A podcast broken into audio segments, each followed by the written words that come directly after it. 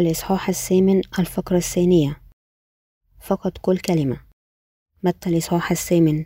الآية الخامسة إلى العاشرة. ولما دخل يسوع كفر نحوم جاء إليه قائد مئة يطلب إليه ويقول يا سيد غلامي مطروح في البيت مفلوجا متعذبا جدا. فقال له يسوع أنا آتي وأشفيه فأجاب قائد المئة وقال يا سيد لست مستحقا أن تحت تدخل تحت سقف بيتي ولكن كل كلمة فقط فيبرأ غلامي. لأني أنا أيضا إنسان تحت سلطان لي جند تحت يدي. أقول لهذا أذهب فيذهب والآخر أنت فيأتي ولعبدي افعل هذا. فيفعل فلما سمع يسوع تعجب وقال للذين يتبعون الحق أقول لكم لم أجد ولا في إسرائيل إيمانا بمقدار هذا. حينما يجتمع المؤمنون بإنجيل الماء والروح سويا كل يوم هو احتفال لنا عندما نفكر بكيف الله رفع آثامنا ونقترب في إنجيل الماء والروح مرة ثانية وكنا نفرح ومبتهجين كما اعترف القائد الروماني في فقرة الكتاب المقدس للوم بإيمانه القوي بيسوع قائلا لكن فقط كل كلمة فيبرأ خادمي. هناك أناس الإيمان في الكتاب المقدس الذين يؤمنون أيضا فقط في كلمة الله ويتبعون الرب. طوبى لأولئك الذين عندهم الإيمان الحقيقي في كلمة الله وإيمان هذا القائد الروماني. هو نفس الإيمان ذلك في عصرنا الذي يثق بكلمة إنجيل الماء والروح. تأسف القائد الروماني لحال واحد من خدامه قد مرض وهو جاء ليبحث عن يسوع ويطلب منه أن يشفي الخادم ويسوع أجاب طلبه. عندما نمتحن هذه الفقرة من الكتاب المقدس نحن يمكن أن ندرك أن عقل القائد الروماني كان واثقا بيسوع كابن الله وأنه الله نفسه. نحن يمكن أن نرى بأنه وثق بيسوع ليكون الله ذاته الذي أقام الأموات وخلق الكون بكلمته.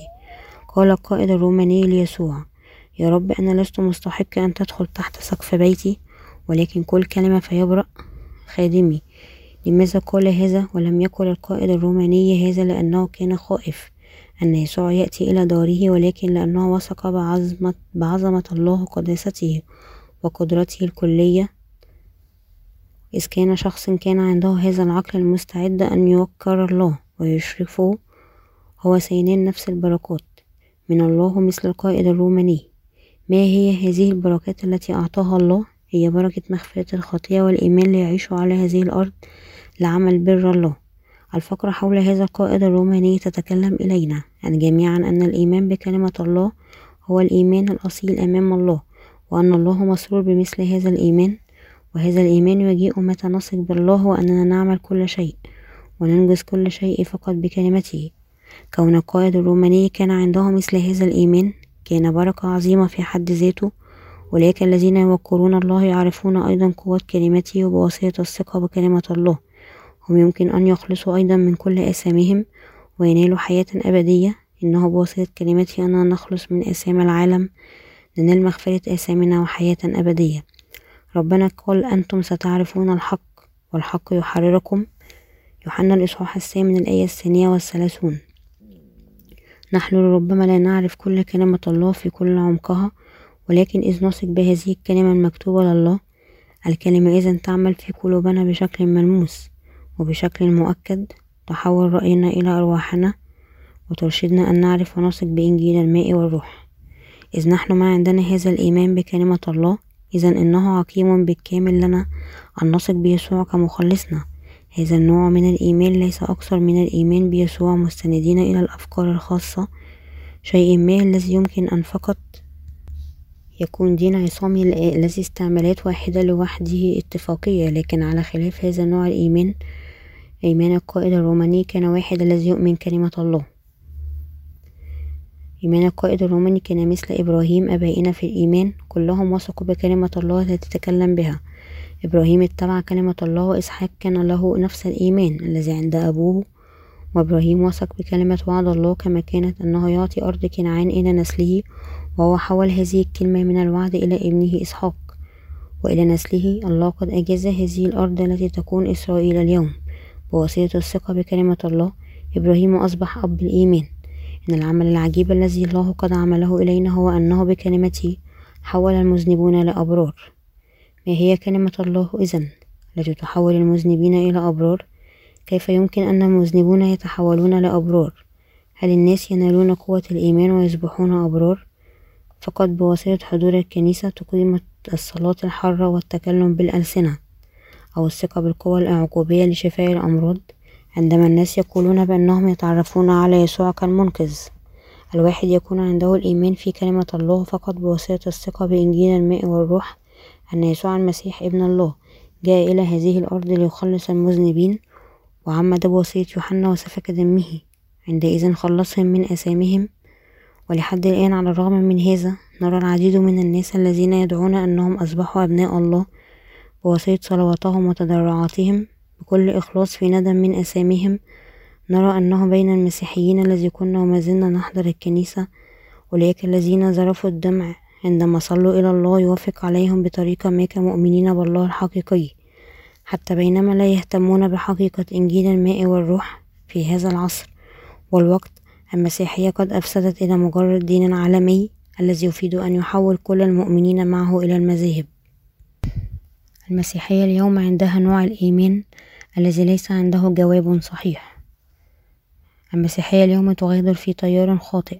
الحقيقة الحزينة هو أن العديد من المسيحيين يتلون الإيمان المخطئ الآن الحركة الكاريزماتية الصوفية والمادية ومثل هذه الاعتقادات الشركية أصبحت منتشرة في الجامعات المسيحية. هؤلاء المسيحيين لربما يكتشفون بعض الراحة والرضا لرأيهم عندما هم يدخلوا مثل هذه الجامعات الدينية ولكن عندما يرجعون لبيوتهم ومجتمعاتهم لا يمكن أن يتجنبوا إلا أن يرجعوا لأنفسهم القديمة الكافرة ويستمروا أن يعيشوا حياة فارغة ومشوشة. ولأن الروح القدس وكلمة الله ما زال ليس في قلوبهم ولو أنهم يدعون أنهم يثقوا بيسوع هم لا يعرفون الإنجيل الأصيل للماء والروح. إن تثق بالله لا شيء إلا أن تثق بكلمته. يسوع. قال بأن إيمان القائد الروماني الذي وثق بكلمة الله كان عظيما أولئك الذين لا يثقون بكلمة الله لا يمكن أن يفهموا إيمان أولئك الذين يثقون بكلمة الله ويتبعوها. وبالأخص الناس الذين يتبعون الكاريزماتية يطلب التكلم بالألسنة لا يحتمل أن ينالوا الروح القدس قائلين ما الدليل الذي يشير أن الواحد استلم الروح القدس؟ ماذا يقصد أن يصبحون أبناء الله؟ وما هو برهان الخلاص؟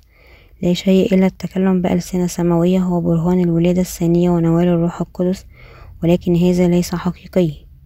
مثل هؤلاء الناس يقومون بإضراب ضخم حينما يصلون كلما متكلما بشكل إحصائي. إنه قال بأنه لا يزيد ما يزيد على تسعة وتسعون بالمئة من مثل هؤلاء الناس ينطقون بكلام فارغ ببساطة وبكلمات أخرى سلوكهم الشاذ بالتأكيد هو من الشيطان وليس من الله. ما يؤدي هذا الإزعاج الكبير والمأساوي هو أن هؤلاء الناس متأكدين أنهم استلموا الروح القدس ويمارسون مثل هذا التشويش الشيطاني باسم الروح القدس.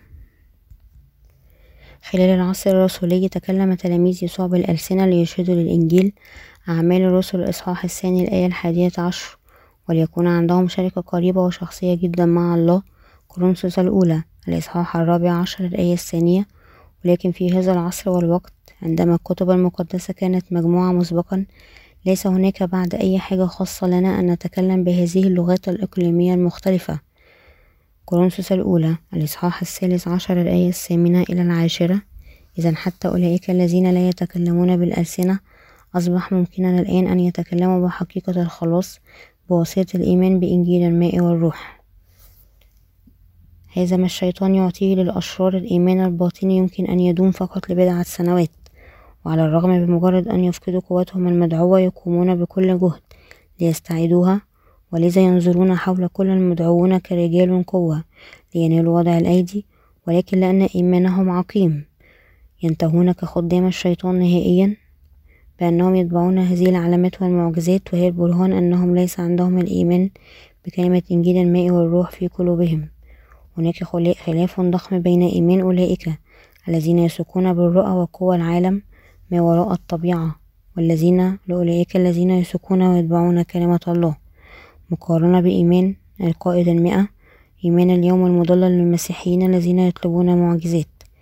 إيمان القائد المئة الروماني كان الواحد الذي قال ببساطة فقط كل كلمة وخادمي سيشفى إيمانه بكلمات أخرى كان الذي وثق بكلمة الله أي فيما يسوع المسيح قال إلينا. هذا إشارة أن الإيمان في كلمة الله هو الإيمان الحقيقي. أن نؤمن أن كل شيء سينجز. بالضبط طبقا لكلمة يسوع مهما قال إلينا وهو الإيمان الحقيقي الذي يثق بكلمة الله كلية نحن الذين عندنا الإيمان بكلمة الله وهكذا استلمنا مغفرة الخطية بواسطة الثقة بإنجيل الماء والروح. لا نسقط في هذا النوع من الإيمان الذي يطلب علامات قبل كل شيء هذا النوع من الإيمان ليس متوافق مع إيماننا لأننا نحن بذرة مختلفة بالكامل عن أولئك الذين يطلبون معجزات. إذا نحن لا يمكن أن نعمل مثل هؤلاء الناس في نشر إنجيل الله. إيمان القائد الروماني هو مثل إيماننا الذي يثق بإنجيل الماء والروح. أنا يمكن فقط أن أشكر الله عندما أفكر كيف هو أعطانا مثل هذه النعمة العظيمة للخلاص خلاص إنجيل الماء والروح. وكيف هو مكنا على خلاف أولئك الذين يتبعون العلامات والمعجزات. أن نثق بكلمته ونتبعه. أن أصبحنا أبرار فقط لأننا نثق بإنجيل الماء والروح. وكلمة الله كل من يذكر أفكاره الخاصة يستمع بتواضع إلى ما تقول كلمته إليه. ويثق بإنجيل الماء إنجيل الله الحق. ويمكن أن يتحول لشخص بار حقا. هذه هي قوة الله وقوة كلمة إنجيل الماء والروح. نحن المؤمنون الحقيقيون نقول أن إلى الرب. فقط كل كلمة لأن ربنا تكلم بكلمة إنجيل الماء والروح. المغفرة لكل أسامينا تمت بكلمة الله لأن هذه هي الحقيقة ذاتها من الماء والروح. وبرؤية الإيمان للقائد الروماني وثق بكلمة يسوع قال الحق أقول لكم لم أجد إيمان مثل هذا ليس حتى في إسرائيل هناك لا شيء.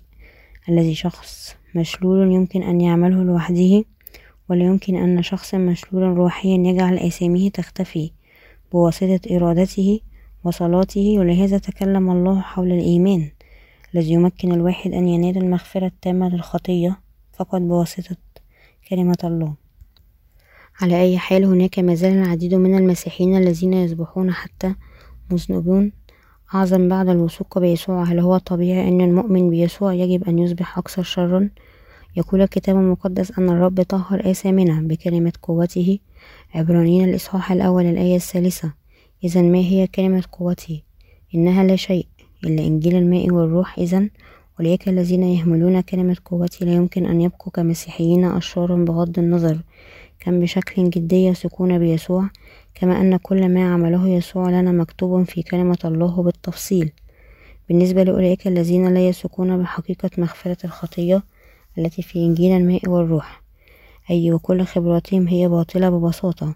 يسوع هو الطريق والحق والحياة لكل المؤمنين الأصيليين وبغض النظر كم يقدم الواحد صلوات التوبة بتحمس خلال العبادة إذ يحذف كلمة قوته إذا أسامه فقط لا يمكن أن تطهر.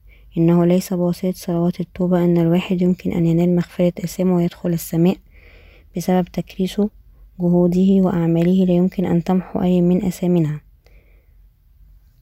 بدون الإيمان بكلمة الله لا يمكن أن تخلص نفس من الخطية بغض النظر كما هو يمكن أن يأخذ القوة أن يخرج الشياطين أو حتى إذا هو يستشهد. إن مغفرة الخطية التي ننالها لوحدنا مستندين على أفكارنا الخاصة لا تغيرنا لأنها ليست مستندة على الإيمان الحقيقي. الكتاب المقدس أيضا يقول أننا لا يمكن أن نكون مولودين ثانيا من الدم وإرادة الجسد ولا إرادة رجل. يوحنا الإصحاح الأول الآية الثالثة عشر. بعض الناس يتفاخرون بالتقليد الغني لإيمانهم بواسطة قولهم أنا قد وثقت بيسوع منذ أن كنت في رحم أمي. بعض الآخرين يقولون عائلتي قد وثقت بيسوع لخمسة أجيال. هل هؤلاء الناس يمكن أن يكونوا مولودين ثانيا بمثل هذا الإحساس بالتفوق؟ لا هؤلاء الناس لا يمكن أن يصبحوا شعب الله. الرب يخبرنا أنه سيختبر مثل إيمان هؤلاء الناس ويتركهم بسبب شرهم كبريائهم بذاتهم. بذاته لن يحتمل أن يكون المشكلة إذ آمنوا طبقا لكلمة الله. بالأحرى أنهم لا يؤمنوا بيثقون بيسوع طبقا لأفكارهم الخاصة. بدلا من كلمته الحقيقية التي قالها الله بأنهم سيلقيهم في الظلمة. ابعدوا عني يا فاعلي الشر. متى الإصحاح السابع؟ الآية الثالثة والعشرون. ماذا يعني بوصية الشر هنا؟ يشير إلى الأفعال الفوضية. لأولئك الذين يدعون أنهم يثقوا بيسوع كمنقذهم وأن يمارسوا كل قوى الله حتى كما أنهم لا يثقون بكلمة إنجيل الماء والروح. كنيسة الله هي حشد أولئك المولودين ثانيا من الماء والروح وبكلمات أخرى إنه حشد الأبرياء الذين هم مدعوين ليكونوا قديسي الله. كورنثوس الأولى الإصحاح الأول الآية الثانية. المكان الذي يمكن الناس أن ينزلوا أفكارهم الخاصة ويثقوا بكلمة الله وينالوا مغفرة الخطية هو كنيسة الله. الذهاب إلى الكنيسة لا يعني الذهاب لملكوت السماوات لحد الآن. هناك الناس الذين يقولون أنهم يثقون بيسوع هم أعضاء الكنيسة المدعوة أرثوذكسية. هم كلهم سيذهبون إلى ملكوت الله حتى إذا هم ما زال عندهم خطية. كل شخص يدعى بأنها طائفته أرثوذكسية لكن هل الله قال بأنه يأخذ إلى السماء الذي فقط يصرح, يصرح أنه يثق به؟ حتى إذا ليس هناك إيمان أصيل في قلبه. ليس في أي مكان في الكتاب المقدس هذا مكتوب. أنتم ربما أيضا تبحثون عن أنفسكم وترون إذا هناك أي مثل؟ أي مثل هذا الاقتراح مكتوب في الكتب المقدسة أنكم ستكتشفون أن هذا ليس في أي مكان مكتوب. أمام الله القديسون هم أولئك الأبرار أولئك الذين أصبحوا الأبرياء الناس الذين يتفاخرون حول أرثوذكسية طائفتهم يقولون نحن مذنبون ولكن لأننا نثق بيسوع. الله يعتبرنا كأبرار. لأجل هذا نؤمن أن الإيمان بيسوع لا يعني أننا أبرياء. كيف يمكن أن نقول أننا أبرياء بينما في الحقيقة نرتكب آثام كل يوم؟ ولكن لأننا نثق بيسوع كمخلصنا الله يعتبرنا أبرياء وهذا لا يعني أننا نخلص لأننا أبرياء مع أننا ما زلنا عندنا خطية. أولئك الذين عندهم هذا النوع من الإيمان فقط يثقون بأفكارهم. ليس لهم الخلاص الذي ينال بواسطة الثقة بكلمة إنجيل الماء والروح. وفي حد ذاته كل الذي هم يعملون إلى الله هم يعترفون بحبهم الغير متبادل بشكل مجرد له مثل هؤلاء الناس لم يخلصوا من أساميهم. أولئك الذين لم يخلصوا من أساميهم يشهدون بأنفسهم أن قلوبهم ما زال فيها خطية وهذا برهان الحقيقة أنهم مذنبون. بعدما محى كل أسام هذا العالم بإنجيل الماء والروح يسوع أخبرنا أن ننال مغفرة آثامنا بواسطة الثقة بهذا الإنجيل الحقيقي. الله هو مسرور من أولئك الذين حرروا أنسامهم وأصبحوا أبرار بواسطة الثقة بيسوع كمنقذهم. ولهذا الله قد أعد السماء لهؤلاء الناس الأبرار لكن المتدينين الذين أصبحوا أبرار لا يمكن أن يسروا الله. يعترفون يا رب أنا أعتقد أنك أخذت آثامي ولكن رجاء اغسلني من آثامي الشخصية التي استمر أن أرتكب كل يوم رجاء اغفر لي هذه الآثام مسيح العالم يجب أن يسجدوا أمام إنجيل الماء والروح. هناك أناس يتهمون المؤمنين بإنجيل الماء والروح أنهم زنادقة بالطبع إيمان الأبرياء ربما يظهر أن يكون غريب بالأحرى في عيونهم المتحيزة. لكن طبقا لحقيقة إنجيل الماء والروح هم الذين لا يثقون بإنجيل الماء والروح والذين قلوبهم ما زالت في الشر. هم زنادقة الذين سيموتون نهائيا. الزنادقة لا شيء إلا أولئك الذين يشوهون ويخطئون ويكون محكوم عليهم من ذواتهم أمام الله. تيتوس الإصحاح الثالث الآية الحادية عشر. أولئك المسيحيون الذين يقولون أنهم ما زال عندهم خطية أمام الله. يرتكبون خطية في الحقيقة أمامه. إذا أنت ما زلت لم تستلم مغفرة الخطية بسبب جهلك. أولئك الذين يدونون أنفسهم حتى بينما يثقون بيسوع هم زنادقة. ليس هناك دينونة في المسيح يسوع. رمي الإصحاح الثامن الآية الأولى. نحن يجب أن نصل لفهم صحيح لهذه الحقيقة بواسطة الثقة بإنجيل الماء والروح أولئك الذين عندهم خطية أمام الله لا يمكن أن يقودوا النفوس الأخرى البعيدة إلى كلمة الله.